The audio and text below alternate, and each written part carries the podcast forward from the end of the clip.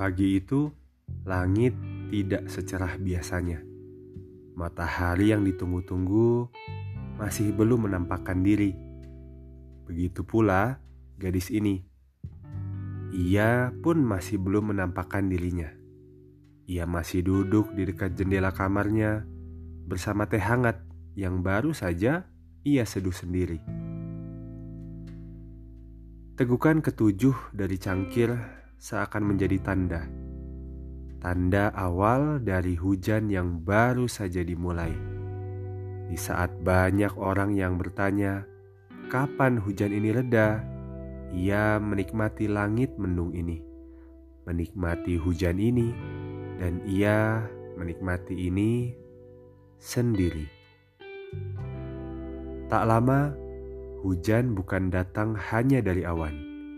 Mata gadis itu pun memulai hujannya sendiri. Bersamaan dengan air hujan yang mengalir, begitu pula hujan dari matanya pun mulai menetes dari dagunya.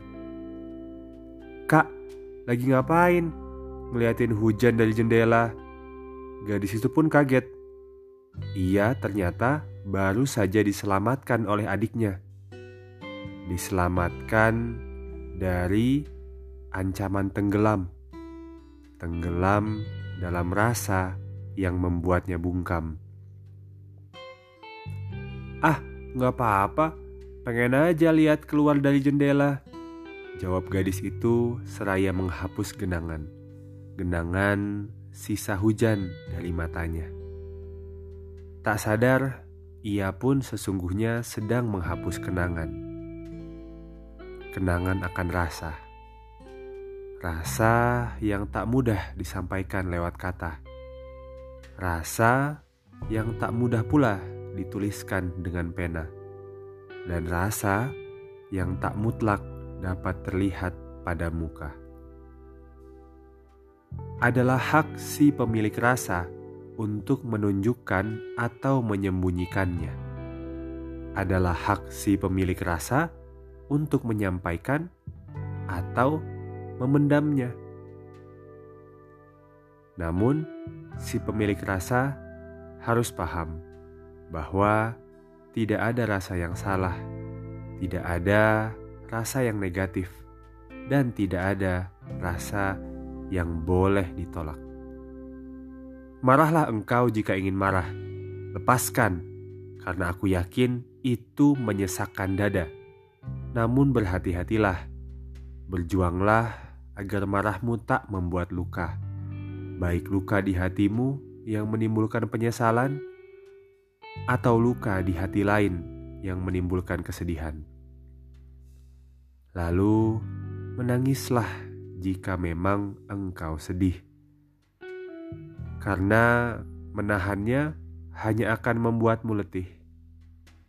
Namun, mari segera bangkit.